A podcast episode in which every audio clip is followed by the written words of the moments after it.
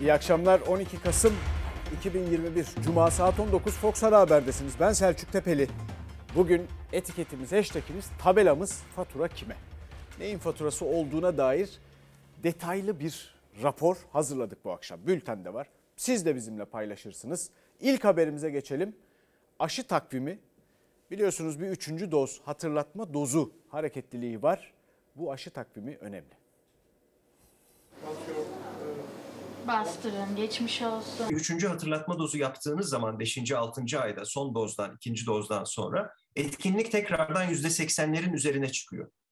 Ve bu şeyden hastalıktan korunma etkinliği e, ölümden ya da yoğun bakıma yatıştan korunma etkinliği %100'lere ulaşıyor. İşte bu kadar önemli üçüncü doz aşı 6. aydan sonra düşmeye başlayan koruyuculuğu yeniden yükseltiyor, hastalığı ağır geçirmeyi %100'e yakın engelliyor. O yüzden Sağlık Bakanı bir kez daha aşı takviminize uyun uyarısında bulundu. Yaklaşık 9 milyon kişinin vakti gelmesine rağmen ikinci ya da üçüncü doz aşısını yaptırmadığını hatırlattı. Aşının tam olması doz sayısına ve dozlar arasındaki sürenin uzamamasına bağlı. Aşının gücünden daha çok yararlanabilmek için aşı takvimine uymalısınız. Riskli gruptayız. Sürekli hastalarla iç içe yoğun bir risk altında çalışıyoruz. O açıdan tekrarlayıcı dozumuzu olduk. Kendimizi korumaya almak istedik. Vaka ve vefat sayıları düşmüyor. Türkiye henüz çift doz aşılamada bile ancak %58'e ulaşabilmişken 3. doz vakti geldi. Sinovac aşısı olanların ikinci dozdan 3 ay sonra BioNTech yaptıranların ise 6 ay sonra hatırlatma dozuna ihtiyacı var. Almanya'da hem çift dozda geride kaldı hem de 3. doza geç başladı. Vaka sayıları 50 bine dayandı. Onlar bir yandan işte ancak karar verebildiler e, üçüncü doza. E, mutlaka ki onun da bir miktar katkısı olmuştur. Burada aşıyı mutlaka tek başına aşıyı yeterli görmemek lazım. E, aşıyı yaptırmak son derece önemli. Onun altını çizerek vurguluyorum. Bununla beraber hemen bir başka önemli neden daha var. Bu da toplumda e, yaygın bir açılmanın gerçekleştirilmiş olması. Aşılamada ve tedbirlerde öncü ülkelerden biri ise İsrail. Üçüncü dozu devreye sokan ilk ülke oldu. Ülkede vaka sayısı 520, vefatsa 5. Şu anda yapılan e, klinik çalışmalar ve bilimsel veriler bir hatırlatma dozunun yapılmasının gerekliliğine ortaya çıkıyor. Kış aylarına giriyoruz. Kış aylarında muhtemelen enfeksiyonun sıklığı daha da artacaktır. Bu nedenle bu ayları tam korunmuş olarak geçirmek son derece önemli. Cumhurbaşkanı Erdoğan Saadet Partisi lideri Temel Karamollaoğlu ile görüşmesinin yankıları sürüyor. O görüşmeye dair yeni bilgiler ortaya çıkıyor. Temel Bey bunları yavaş yavaş medyayla paylaşmaya devam ediyor. Şimdi anladık ki bugün Cumhurbaşkanlığı hükümet sistemi ile ilişkili olarak 50 artı 1 konusunda bir pişmanlık söz konusu. 50 artı 1'in mahsurlu olduğunu anladık demiş Cumhurbaşkanı Erdoğan. 50 artı 1 noktasında yani o biraz aşırı gitmişiz orada dedi. 50 artı 1'in mahsurlu olduğunu anladık. 50 artı 1'i o zaman bu kadar sıkı bir şeye bağlamamamız gerekirmiş. Onun farkına vardık. O zaman sistemi kendi içinde red ve inkar etmişlerdir. Cumhur İttifakı'nda ciddi bir çatlağın başladığının e, göstergesidir. Cumhurbaşkanı Erdoğan, Cumhurbaşkanlığı hükümet sisteminin temel dayanağı da olan Cumhurbaşkanı seçilme barajı 50 artı 1'den şikayetini Saadet liderine dile getirdi Beştepe'deki görüşmede.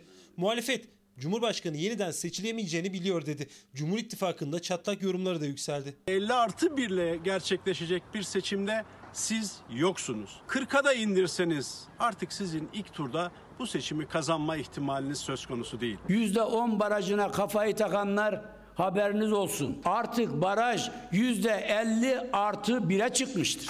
Yeni sistemde Cumhurbaşkanı seçilme şartı %50 artı 1. Bu düzenlemenin en büyük destekçisi de MHP lideri Bahçeli'ydi. Baraj %50 artı 1'e çıkmıştır. Anayasa değişikliği gerektiriyor. İktidarıyla, muhalefetiyle el ele vermek ve ondan sonra da böyle bir şey hakikaten gerçekleştirilebilirse bu olabilir. 2019 yılında 50 artı 1'in düşürülmesi için bir çalışma yaptı AK Parti. Erdoğan da düzenlemenin meclise gelebileceğini söyledi ama olmadı. 2 yıl sonra Cumhurbaşkanı seçilme barajından şikayetini Karamollaoğlu'na anlattı. Karamollaoğlu da gazete duvara konuştu. 50 artı 1'in mahsurlu olduğunu anladık. 50 artı 1'i o zaman bu kadar sıkı bir şeye bağlamamamız gerekirmiş.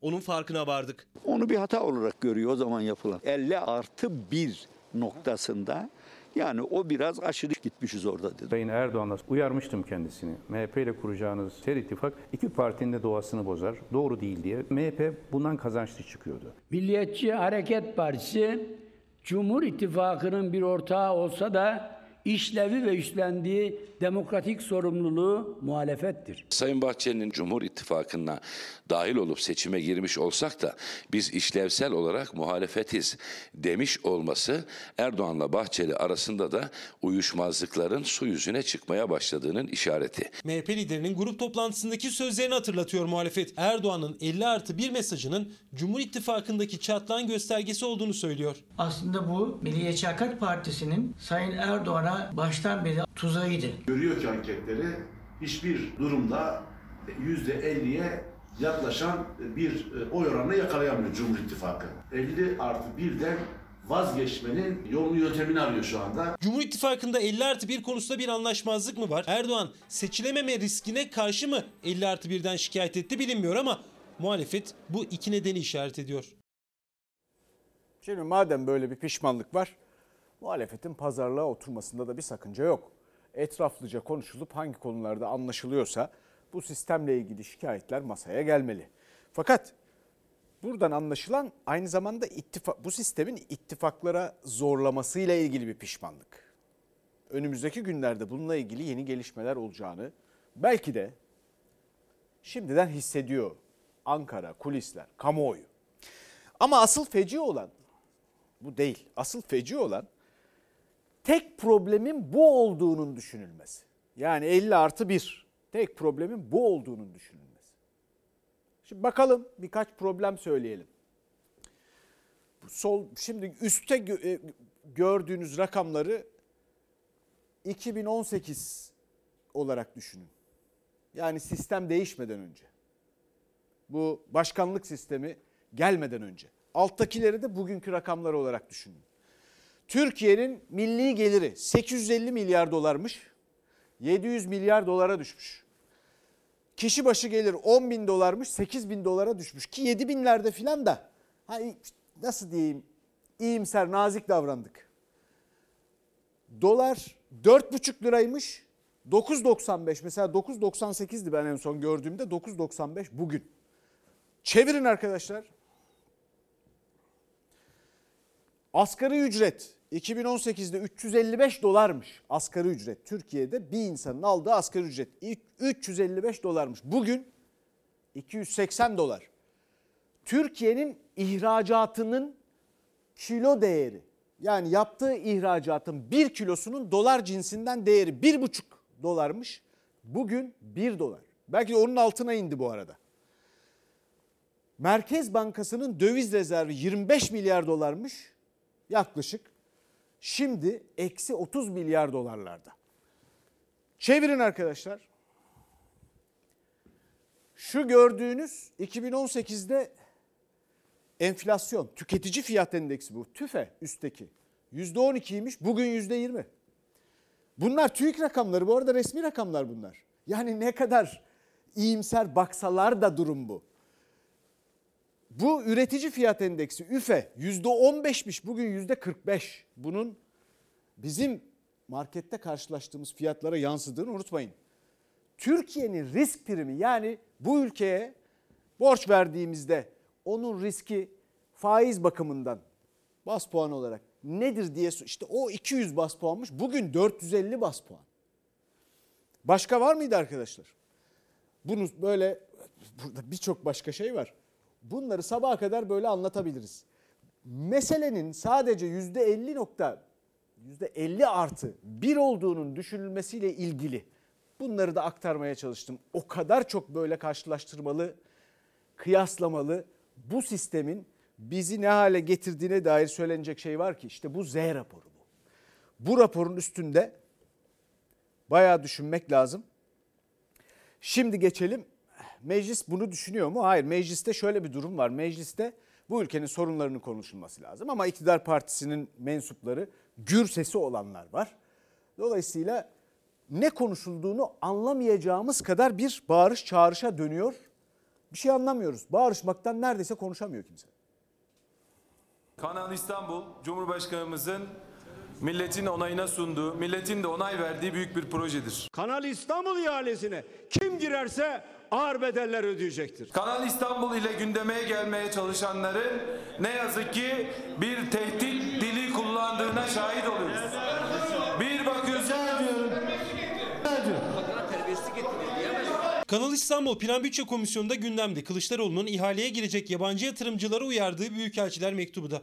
Genel kurulda da o mektup tartışıldı ama çok yüksek ses tonuyla. Türkiye'nin iç işlerini batılılara şikayet yazıklar olsun. Sen bir PKK yöneticisinin gizli tanık ifadesiyle bu ülkenin genelkurmay başkanına ağırlaştırılmış müebbet hapis cezası verdirmiş bir partinin grup başkan vekilisin. Sen haddini bileceksin. Manda ve himaye kabul edilemez. CHP'nin kurucu lideri nerede? Kemal Kılıçdaroğlu nerede? Rahatsızlığını bas, bastırmaya herhalde e, bir şekilde bir cümle sarf ediyorsunuz. Bu mektup İstanbul'un rantına göz dikmeyi düşünen yerli ve yabancı bütün konsorsiyumlara bir tehdit mektubudur. Sesinizi yükselterek iktidarınızın ayıplarını örtemezsiniz. AK Parti Grup Başkan Vekili Muhammed Emin Akbaşoğlu'nun söylediklerinden çok ses tonunun yüksekliğine itiraz etti muhalefet. Çünkü bir süre sonra ne tartışıldığı anlaşılmaz oldu. Tek millet, tek bayrak, tek vatan ve tek devlet noktasında hep beraber bir olalım dedik. Söylediğimiz budur. Peki. Sayın Tanal, bir kısım milletvekili arkadaşımız yüksek sesle konuşulmasından, bağırarak konuşma, konuşmadan rahatsız olduklarını ifade ediyorlar. Milletimiz de, devletimiz de asla geçit vermeyecektir. Bizim sözü, bizim bağırmayayım, bağırmadan konuşayım. Siz susarsanız ben susayım. Bak bağırmadan konuşuyorum, tane tane. Bağırarak haklı olunmaz. Lütfen çok bağırmayın. Muhalefetin defalarca bağırmaması için uyardığı Akbaşoğlu bir kez daha söz istedi. Ama meclis başkan vekili karar yeter sayısı aranacak diyerek söz vermedi. Şimdi artık şöyle bir şey var. İklim kriziyle ilgili pek çok tartışma, zirveler falan var. Ona da değineceğiz. Fakat biliyorsunuz yeni bakanlık ismi şöyle. Çevre, Şehircilik, İklim Değişikliği Bakanlığı. Daha önce ben demiştim ki Kurtla Kuzu Bakanlığı. Bu çevreyi şehirciliğe teslim ederseniz e burada bir kuzuyla doymamış kurt ikinci kuzuyu da vermişler. Bir kuzu bir, bir, bir kurda iki kuzu bakanlığı oldu şimdi. Ya iklim değişikliği bakanlığının belki de ayrı bir bakanlık olması lazım ve belki de dünya tarihine geçecek herkesin ilgisini çekecek biçimde onu çevreci sivil toplum örgütlerine vermek lazım. Allak bullak edebilir böyle bir yaklaşım. Dünyayı, dünya siyasetini çok ilginç olurdu. Şimdi devam edeceğiz. Pek çok mesajımız var. O mesajlar faturanın kime çıktığına dair fikirler ve kanaatler söylüyor. Mesela bir izleyicimiz demiş ki tüm dürüst çalışanlara, emeğiyle çalışanlara, siyasette amcası, dayısı, halası vesaire olmayanlara gayet iyi özetlemiş fatura kime e, etiketiyle ilgili bizim izleyicimiz şimdi siyasete ekonomi penceresinden bakmaya başlıyoruz. Temel Karamollaoğlu'nun aktardığı başka bir şey kamuoyuna. O da geçim sıkıntısı, ekonomi bununla ilgili sorunları konuştuk. Cumhurbaşkanı Erdoğan abartılıyor yanıtını verdi diyor. Aylık 400 lira doğalgaz param var. Elektrik, su 500 lirayla gittik. 600 lira milletvekili var. Sen bir tanesi desin ki ben 500 liraya geçinirim desin. Alnından öpeyim. Oraya varıp da orada konuşmasın.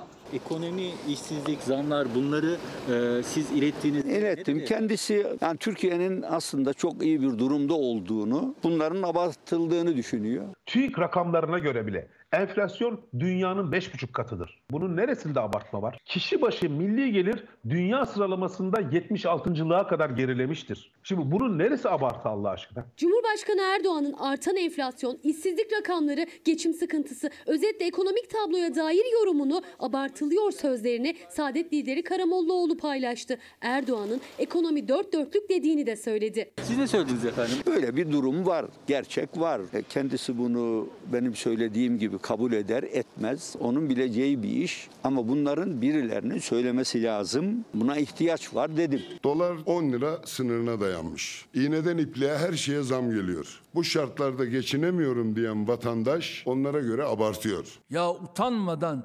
sıkılmadan evine götürecek ekmeği yok diyor. Ya böyle bir yalan olur mu? Halimiz perişan artık. Devlet de görsün, millet de görsün. Beş Müslümanımız var. Bir tane ekmek zor götürüyorlar. Et diyorlar, eti görmez olduk. Bakıyorsunuz her evde araba var.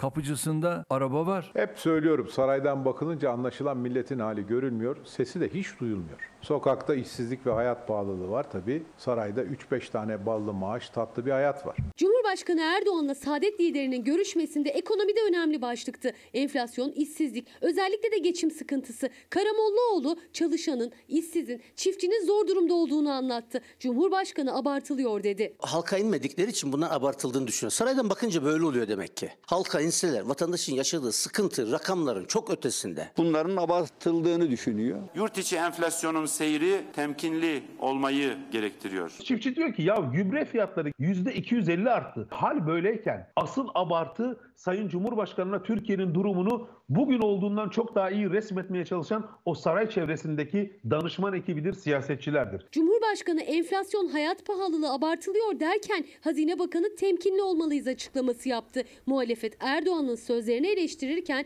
aynı zamanda sokaktaydı. Peyniri kaç lira hafta? 35 lira. 20'ye veriyorduk. 20 Zam geldi. Alıyorduk. Yağımız kaç lira? 160 lira. 100 liraya veriyorduk. Umarım Cumhurbaşkanı Erdoğan Temel Karamollaoğlu ile bundan sonra da buluşur. E, tereddüt edebilir ama şimdi kamuoyuna o kadar o görüşmeden ilginç ve tartışılan cümleler yansıdı ki bir yandan. Peki gerçekten abartılıyor mu? Buna cevap vereceğiz. Bu haberde vereceğiz. Onun hemen arkasından da vereceğiz. Dolar Türk lirası karşısında tarihinin yine zirvesinde. Türk lirası en düşük değerlerinde bir 10 Türk lirası kabusu yaşanıyor. Cari denge fazla veriyor ama dolar 10 liraya dayandı. Hükümetimizin ihracatı desteklemek amacıyla yüksek döviz kuru hedeflediğine yönelik yorumlar doğru değil. Lütfü Bey'in bugünkü beyanatıyla Merkez Bankası Başkanı'nın en son yaptığı beyanat arasında bir çelişki var. İhracatın artırılması ve cari dengenin sağlanmasıyla Türkiye fiyat istikrarını da sağlamış olacaktır. Dolar kuru 10 liraya dayandı. Hazine ve Maliye Bakanı Lütfü Elvan, hükümetin ihracatı desteklemek için döviz kuruna müdahale etmediği yorumlarına da karşı çıktı. Merkez Bankası Başkanı ihracat artacak, fiyat istikrarı sağlanacak demişti. AK Partili Mücahit Birinci de döviz kurunun ihracatla düşeceğini söylemişti. Günlük 1,5 milyar dolar ihracat yapınca ne oluyor? Türkiye'ye döviz giriyor değil mi sürekli? Dövizin bolluğunda ne olacak? Dolar o seviyede kalmayacak, daha düşecek, geri gelecek. İhracat o kadar önemli bir şeydir. Biz böyle bir politikanın zaten uygulamasının yanlış olduğunu söylüyoruz. Türkiye dalgalı kur rejimi uygulamaktadır. Kur şimdi artık tutulamayınca, yapacak hiçbir şey kalmayınca e, dalgalı kur denilmeye başladı. Müdahale etmeyeceğim, piyasada belleniyor dersek kuru 6.85'te tutmak için 50-60 milyar dolar harcadığınız vakti sorarlar. Kurun değeri de piyasada belirlenir. Bugün itibariyle evet piyasa belirliyor çünkü artık Merkez Bankası kura müdahale edebilecek bir rezerve sahip değil. Muhalefetin ekonomi kurmayları iktidarın elinde döviz kurundaki artışa müdahale etmek için araçları olmadığını söylüyor. Merkez Bankası'nın eksi rezervini hatırlatıyor. Döviz kuru daha ne kadar artacak bilinmiyor. Kura müdahale edemeyen ve çaresizlikten kuru bırakmış bir e, ekonomi yönetimi var. Birileri Türkiye ekonomisi batacak. Dolar 7 lira, 8 lira, 10 lira olacak diye hayaller kurdu. Güçlü yumruğumuzu vurduk. Doları 5 liraya düşürdük mü? Her gün kur 3-5 kuruş, 3-5 kuruş yukarı gidiyor. Birkaç gün içerisinde önümüz hafta falan onun üzerine tam olarak oturacağı benziyor. Kurun ne olacağı belli değil. Doların 10 lira sınırına yaklaşması sonrası Merkez Bankası da yıl sonu dolar kuru beklentisini yükseltti. 9,21'den 9,97'ye çıkarttı. Eğer bu şekildeki yanlış politikalar, ekonomi yönetimindeki koordinasyonsuzluk devam ederse bugünleri ararız. Para politikası iflas etmiştir. Şimdi Türkiye dalgalı kur rejimi uyguluyor, döviz kurunu piyasa belirliyor demiş Lütfü Elvan, Hazine ve Maliye Bakanı. İşte buyurun, tablo bu. Gerekli şartlar oluşturulmadan faizi sert biçimde indirerek yapılmak istenen nedir? Bunu en başında da söyledik. Ve üstelik bu yapılmak istenenin bir önceki dönemde, şunu şurasında bir, bir buçuk sene önce yapılan başka bir şeyle de taban tabana zıt olduğunu anlatmaya çalıştık. Bir önceki dönemde de doları düşük tutmak, Türk lirasını değerli tutmak için Merkez Bankası'nın 128 milyar dolarını da savurdular biliyorsunuz. Sonra şimdi tam tersi yapılıyor. Türk lirasının değerini ne kadar frensiz düşerse düşsün diye faizi aniden indirip hiçbir şartı üretim, istihdam, şu bu neyse vergi filan hiçbir şey ayarlamadan düşürerek Türk lirasını da uçurumdan aşağı bıraktılar. Adeta tedavülden kaldırmaya çalışırcasına. Şimdi peki bunun amacı ne? Türkiye'yi biz böyle modern bir ülke, batılı bir ülke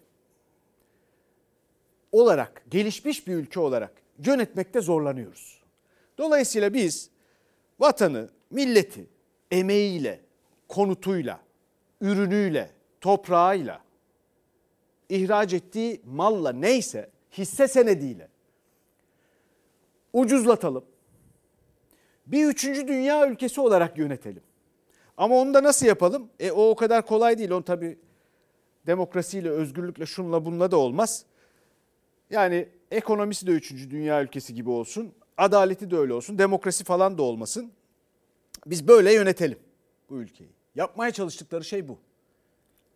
Buradan bir yere varılabilir mi ya? Bu 250 yılını israf etmek demek. Bak 128 milyar doları değil sadece. Şimdiki bu ülkenin parlamenter çabalarının başladığı 19. yüzyılda başladığı dönemden itibaren bütün demokrasi tecrübesi, yaşanan her şey, cumhuriyetin ilanı, bu ülkenin kat ettiği batılı ülkelerle kıyaslandığında kat ettiği bütün gelişmeler, elde ettiğimiz bütün haklar, emeğin hakları, alın terinin hakları, demokrasi, hukuk, insan hakları, özgürlükler falan. 250 yılın israfı, çarçur edilmesi, harcanması demek bu. İki ayda bu söz konusu modelle ne oldu? 2,5 milyar dolar cari fazla verildi. Ne pahasına verildi? Seçmeni aç bırakmak pahasına neredeyse. Ya insanların durumu ortada. İnsanları, hastaları ilaçsız bırakmak pahasına. Ya burada Allah aşkına birisi bana bu faturanın kime çıktığı belli. Seçmene çıkıyor. Ama patron sizsiniz bakın buna bakın. Değerlendirin ona göre karar verin. Karar sizin. Bu arada ne oluyor tabii? Fatura kime çıkıyor? İşte fatura insanlara, insanlarımıza, emekliye, memura, tüm çalışanlara, esnafa, sanayiciye, üreticiye, çiftçiye herkesin, hepimizin hayatı eriyor, hayatı. Vatan bu haliyle ucuzlayan her şeyiyle haraç mezat adeta satışa çıkarılmış gibi. Bu nasıl şey ya? Efendim şimdi Türk lirası kazanıp dolarla harcıyoruz. Bakın nasıl oluyor. Utanıyorum ya. Utanıyorum. Benim param Avrupalı'nın parası karşısında 1 lira. Onda biri. Üzgünüm. Çok üzgünüm. Türkiye Cumhuriyeti'nde bu duruma çok üzgünüm. 9 lira 98 kuruşla yeni zirvesini gördü dolar. Döviz tabelasını gören üzülüyor çünkü cebindeki parası eriyor. Asgari ücret yılın başında 383 dolara denk geliyordu. Alım gücü 283 dolara geriledi. Elbette sadece asgari ücret değil tüm maaşlar eriyor. Emekliler, memurlar, özel sektör çalışanlarının alım gücü düşüyor. Rezalet başka bir şeydir. Rezalet. Ben emekli olduğumda 380 dolar alıyordum. Şimdi 230 falan alıyorum. Yazık günah değil mi bana? Dolar olmuş 10, euro olmuş 11,5. Altın zaten almış başını gidiyor. Asgari ücretle çalışıyorum. Sürekli bir geçim sıkıntısı yaşıyorum. Acaba bir ay sonra nasıl geçineceğim? Ben de bunu düşünüyorum. Dolarla mı maaş alıyorsunuz? Dolarla maaş almıyor çalışanlar ama her ürünün fiyatı dövize bağlı. Alım gücü düşüyor, iş gücü ucuzluyor. Türkiye'de çalışanların yarısı Çin'dekinin de altında kalan asgari ücretle geçinmeye çabalıyor. Maaş diye bir şey yok ki bizde. Eridi bitti dolar karşısında. Hiçbir şey alamıyoruz. Dün aldığımızı bugün alamıyoruz. Döviz tabelalarında artık dolar çift tanelerde ve tabelada gözüken rakamlar her bir kuruşluk dalgalanmayla Türk lirası biraz daha değer kaybediyor. Emekliye asgari ücretli tüm çalışanları geçim endişesi sarıyor. Maaşlar dolar karşısında günden güne daha da eriyor. Eridi tabii. Su gibi gitti. Döviz artık aldı başına gidiyor. Altın öyle. Zengin zengin, fakir daha da fakirleşti. En düşük emekli maaşı 1500 lira. Senenin başında 203 dolardı, artık 150 dolar. Ek iş aramayı düşünüyor emekliler. Bütün girdiler ekonomide dövizden yani. Dolayısıyla her şey pahalanacak, ateş pahası olacak. Vallahi çok ek iş yapacağız, başka çaremiz yok. Diğer geçinme şansının sıfır. Özel sektör çalışanlarında ya da memurlarda da durum farklı değil. En düşük öğretmen maaşı 5097 lira. Sene başında 691 dolara denk geliyordu. Günden güne eridi artık 510 dolar. Maaş eriyor günden güne ve en ufak bir harcama yaptığımızda e, ay sonu nasıl getireceğiz diye düşünüyoruz. Eridi, bitti, yok. Maaş diye bir şey yok.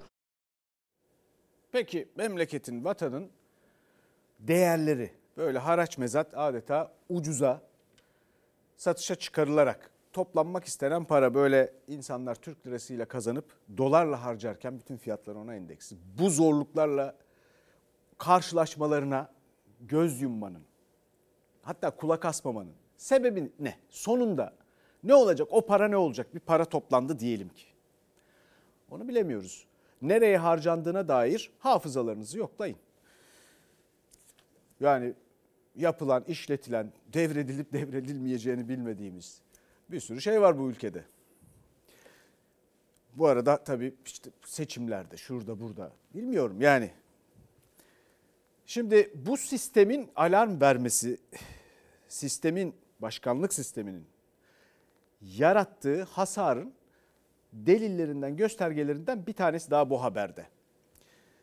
Biliyorsunuz emeklilikte yaşa takılanlarla ilgili bir ümit verici bir takım açıklamalar gelmişti. Sonra o kadar karıştı ki ortalık. Çalışma Bakanlığı bir şey söyledi, Çalışma Bakanı bir şey söyledi. AK Parti milletvekili, e, efendim işte grup başkan vekili var. Birileri bir şey söyledi. Cumhurbaşkanlığından, Cumhurbaşkanı yardımcısı başka bir şey söyledi. Sonunda öyle bir noktaya geldi. Bakanlık bakanı yalanladı. Erken emekliliği 3600'ü, komisyonlarımız çalışıyor. Bakanlığımızın öncelikli gündeminde EYT ile ilgili bir çalışma bulunmamaktadır. EYT düzenlemesi yıllardır tartışılıyor ama ilk kez AK Parti içinden bir hafta içinde dört farklı açıklama geldi. Çalışma Bakanı çalışma var dedi, Cumhurbaşkanı Yardımcısı Fuat Oktay yok. AK Parti Grup Başkan Vekili var dedi, Çalışma Bakanlığı basın müşavirliği yok. Bakanlık müşavirliği hem kendi bakanını hem AK Parti yöneticisini yalanladı. Yılan hikayesi. Müşavir hem bakanı ters köşeye yatırdı hem Akbaşoğlu'nu yatırdı. Erken emekli olacak. Ondan sonra ne olacak? Gidecek kendine göre başka bir işte de çalışmaya devam edecek. Çift dikiş. Cumhurbaşkanı 2018 yılında emeklilikte yaşa takılanlara kapıyı kapattı. 3 yıl sonra 3600 ve asgari ücret çalışmaları ile birlikte EYT düzenlemesinin de gündemde olduğunu Çalışma Bakanı Vedat Bilgin açıkladı. Erken emekliliği 3600'ü, komisyonlarımız çalışıyor. Bütün modern sosyal güvenlik sistemlerinde emeklilik için gereken şartlardan biri yaştır ve yaş şartı yerine gelmeden emeklilik hakkı kazanılmaz. Bakan çalışma var derken Cumhurbaşkanı Yardımcısı Fuat Oktay yaş doldurmayan emekli olamaz dedi. Muhalefet kim doğru söylüyor sorusunu meclise getirdi. Çalışma Bakanımız çalışıyoruz EYT için bu konuda bir komisyon kurduk dedi. Sevindik. Fuat Oktay böyle bir çalışmamız yok diyor. EYT ile ilgili de Sayın Vedat Bilgin Bey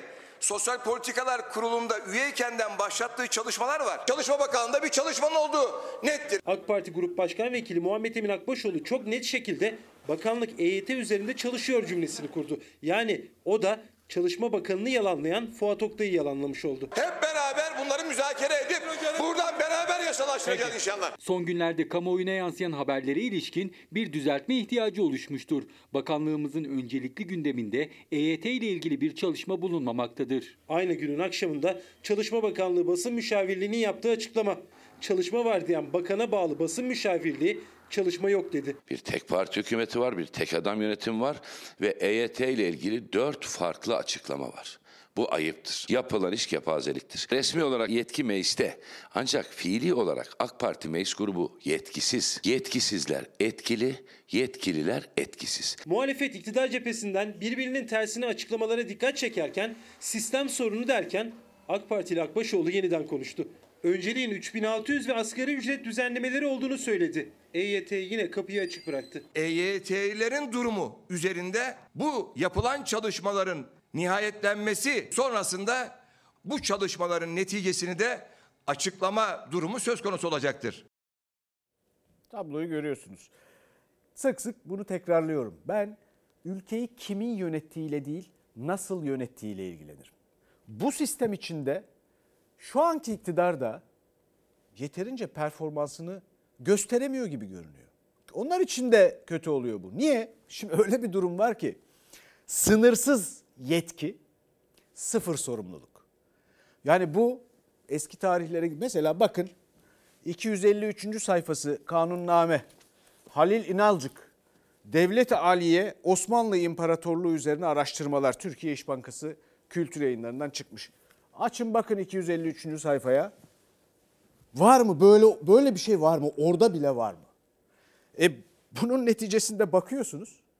Hani gerçekten işler nasıl yürüyor? Kim ne yapıyor? Belli olmadığı gibi kabinenin bir ehemmiyeti yok. Yani eski adıyla Bakanlar Kurulu. Çünkü bakanların bir ehemmiyeti yok, önemi yok. Seçilmedikleri gibi bir yetkileri de yok. Dolayısıyla böyle zor durumlarda kalıyorlar. E, vekillerin bir önemi var mı? Meclisin bir önemi var mı? Vekiller, meclis, seçilmiş insanlar da anlamsızlaştırılıyor. Sonra hakim ve savcılar belli şartlarda onları adeta şu ya da bu biçimde kaderleri bir yerde bağlandı tedirginliğiyle atarsanız onlar açısından da aynı şey söz konusu. Valiler, kaymakamlar açısından da onlar da giderek etkisizleştiriliyor neredeyse. E peki işte ne dedik? Bir çeşit 3. dünya ülkesi gibi ekonomisiyle, adaletiyle, demokrasisiyle adeta. Çünkü başka türlü olmuyor filan gibi. Öyle mi düşünülüyor? Şimdi geçelim bunun bizim günlük hayatımızdaki acı neticelerine. Eğitim veriyoruz. Onların bir kısmını eğitilmiş insanların bir kısmını hiç eğitmeden bunun masrafını hiçbir şekilde üstlenmeden başka ülkeler kapıyorlar. Kendi ülkemizdekiler de kazalarda kendi işini yapamadıkları bir takım ortamlarda can veriyorlar. Mesela ataması yapılmayan bir öğretmen Fedai Altun çok gündem oldu. Trafo boyacılığı yaparken bir iş kazası geçirdi. Herkesi çok üzdü. Muhalefetin eleştirileriyle bugün de konu gündemdeydi.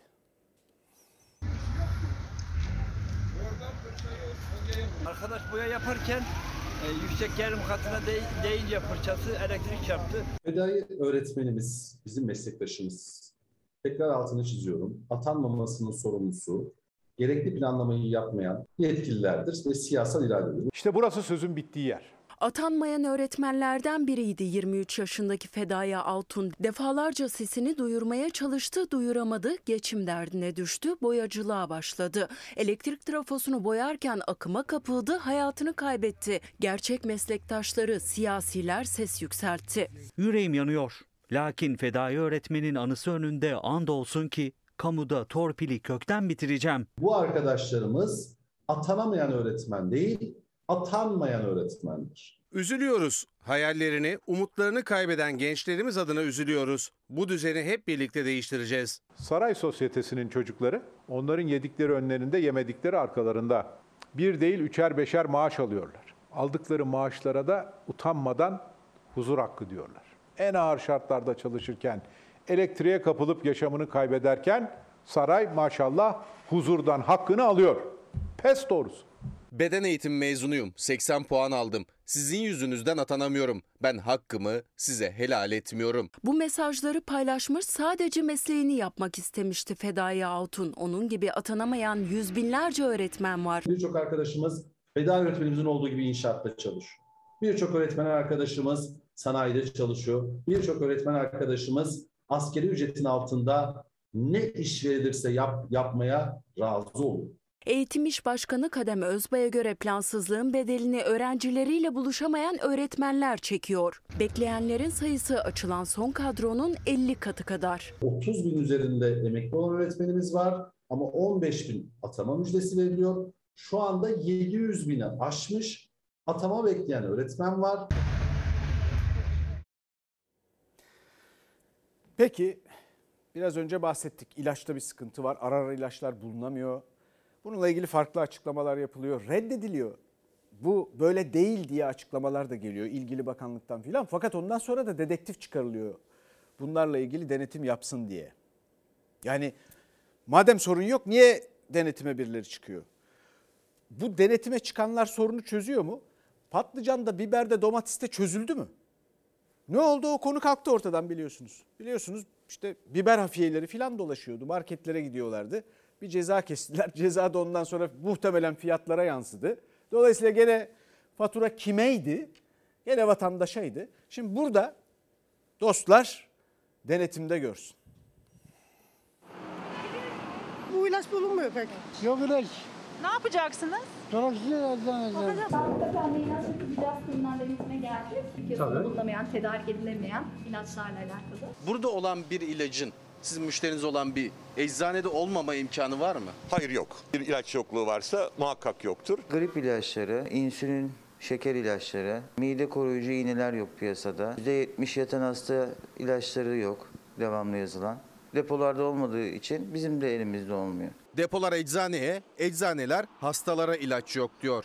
Sağlık Bakanlığı ise önce ilaca erişimde sorun olmadığını açıkladı. Ardından piyasada ilaç sıkıntısı yaşandığı gerekçesiyle denetime çıktı. Kur farkı nedeniyle hastalarımızın kritik ilaçlara erişemediği yönündeki haberler gerçeği yansıtmamaktadır. Piyasada tedarikte sıkıntı yaşanan ilaçlarla alakalı denetim gerçekleştireceğiz. Birkaç kalem ilaca bakacağız. Sizinki stoğunuzda var mı? Sağlık Bakanlığı'na bağlı Türkiye İlaç ve Tıbbi Cihaz Kurumu yetkilileri Ankara'da depoları, eczaneleri dolaştı. Stok denetimi yaptı. Oysa tüm Eczacı Kooperatifleri Birliği Başkanı Sait Yücel'e göre sorunun kaynağı belli. Bakanlığın düşük tuttuğu euro kuru. Piyasanın yarısından da az. Önce euro kuru arkadan ilaç yapabilecek zammın en az yılda iki defaya çıkartılması bu, bunun aşılacağını düşünüyorum bu sıkıntıların. İstanbul'da bir ilaç deposundayız. Bu raflardaki ilaçların hepsi Sağlık Bakanlığı'nın sisteminde kayıtlı. Hatta eczanelere gönderilen ve hastalara satılan ilaçlar da sisteme tek tek kaydediliyor. Elinizde sistem var. Masanın başına oturduğunuzda tüm Türkiye'de hangi eczanede, hangi depoda, hangi firmada ne kadar ilacın olduğunu görebiliyorsunuz. Stok uyumu mevcut. Evet. Stop uyumu mevcut duruyor. Market denetimlerindeki gibi bir sorunun çaresi daha farklı yerlerde aranıyor Yücel'e göre. İnsanları hakikaten e, zan altta bırakmanın kimseye bir faydası yok. Kurumları yıpratmanın, eczacıyı yıpratmanın, depocuyu yıpratmanın çok bir anlamı yok. Bazıları var dedi, bazıları yok dedi. Eczacılar da şaşkın. Vatandaş zaten şaşkın. Bütün bu sıkıntılar pahasına Türkiye'yi mesela iki aydaki iki buçuk milyar dolar e, bir cari fazla kurtarır mı? Bu ülkeyi kalkındırır mı? Bunu da önümüzdeki günlerde göreceğiz. Herhalde göze aldıkları şeyler var. Bu kararları verenlerin. Peki tarıma bakalım şimdi. Amasya'ya gideceğiz. Bakın soğan nasıl yollarda kalmış.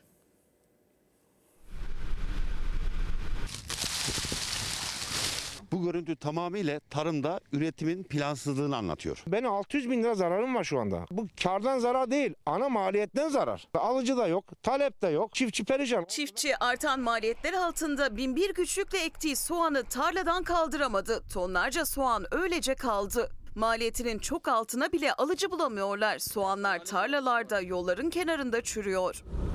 Çiftçiye maliyeti bunun 1 lira 90 kuruş, satışı 50 kuruş alan yok şu an. Tarlada duruyor. Çiftçi zarar etti mi? Genel itibariyle hayır. Maliyetler yüksek olduğu için soğanı kaldıramadık. Siz ekin ve hasadınızı yapın.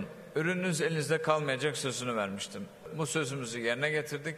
Sayın Bakan der ya, çiftçi üretmeye borçlansın, devam etsin. Borçlandık, üretmeye devam ettik ve şu anda sürüyoruz. Buyurun. Bu soğanlar, bu çuvallar burada kalmaması lazımdı. Bu zamana kadar bu depoya girmesi ya da bu soğanın yarısına yakın satılması lazımdı. Ama maalesef görüntü meydanda Aslında bu görüntü bugün Türkiye'de tarımın ne noktada olduğunun da göstergesi. Soğan üreticisi bundan bir ay önce hasat yaptı, ürününü tarladan topladı ve çuvallara doldurdu. Ancak ürünü para etmeyince depolara kaldırmadı ve bu ürünler satılmazsa tonlarca soğan tarlalarda çürüyecek. 55 dönem yere 250 bin lira maliyeti var benim efendim. Son bir yılda gübreye %285, mazota %30 zam geldi. Üstüne bir de plansızlık eklenince sıkıntı katlandı. Soğanlar hasat zamanı elde kaldı. Çiftçinin maliyeti 1 lira 90 kuruş, 25 kuruşa bile alıcı bulamıyor. Soğan markette ise 2,5 lira. 25 kuruşa soğanı satamadım. Sadece bu çuvala girmesi 25 kuruş. Bu çuvalları şimdi eğer böyle olmasa açıp dökeceğiz, sereceğiz, süreceğiz bunu. Tarlaya gübre olacak. Bugünlerde Türkiye'deki birçok soğan tarlasında benzer görüntü var. Burası Amasya'nın Merzifon ilçesi. 30 dönümlük bu araziden 180 ton soğan toplandı. Ancak soğan satılmayınca tarlada kaldı. Aldı ve sadece bu tarlada çiftçinin zararı 150 bin lira. İşçilik parası soğan kadar tutuyor. E çocuğumuz üniversiteye gidiyor. Haçlık lazım. İşçiye para lazım. Tohumcuya para lazım. Soğanı şu anda 35 kuruşa satamıyorlar. Üstüne bir de gübredeki fahiş üstü fiyat artışları çiftçinin 2022'de ürün ekmesini neredeyse imkansız hale getiriyor. Depoya kaldırmak için işçi maliyetinin bile üstesinden gelemiyor üretici. CHP Amasya Milletvekili Mustafa Tuncer meclise taşıdı bu sıkıntıyı. Merzifon Ziraat Odası Başkanı Erkan Aktaş'a göre ise bu bölgede soğanda yaşanan kriz plansızlık devam ederse her bölgede diğer ürünlerde de yaşanabilir. Haşhaşa nasıl kota varsa soğana da olması lazım. Eğer biz bunu yapamazsak bu sene soğanda bu sıkıntıyı yaşarız. Bir dahaki sene başka bir üründe yaşarız. Şu anda zararımız büyük. Bu zararlarımızı karşılamak için kredilere müracaat ediyor, ediyoruz. Yani milletvekillerinin de Tarım Bakanı'nın da şu anda yani o fiyat şu söylenen şeylere bakıldığında Tarım Bakanı'nın söylediklerine bakıldığında verileri biliyorsunuz bir sürü rakamdan, veriden, orandan güzel şeylerden bahsediliyor. Adeta bir Farmville oyuncusu gibi. 2009'da biliyorsunuz çok meşhurdu. O zaman 60-70 milyon kullanıcısı vardı. 200 milyon dönüm arazi işliyordular. 20 milyar ağaç diktiler o dönemde biliyorsunuz. 15 milyar da koyun sağdılar, güttüler. Ortada bir şey var mıydı? Yoktu. O bir bilgisayar oyunuydu. Adeta öyle şu anki durumda. Peki fatura kime? Bakın şimdiki haber faturanın hep bir yandan garibana bir yandan korumasıza asıl kadına çıktığını gösteriyor.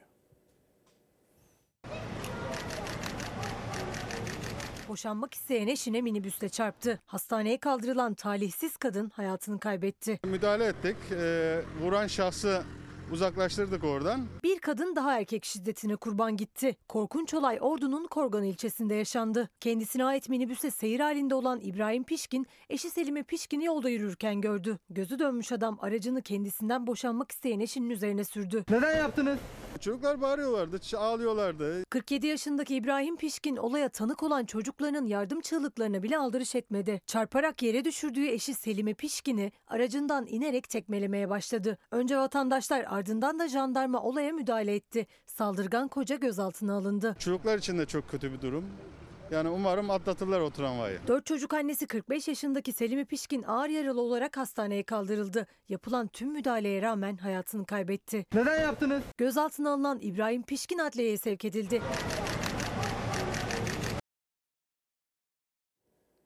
İstanbul'da 8. Türk Dünyası buluşması vardı.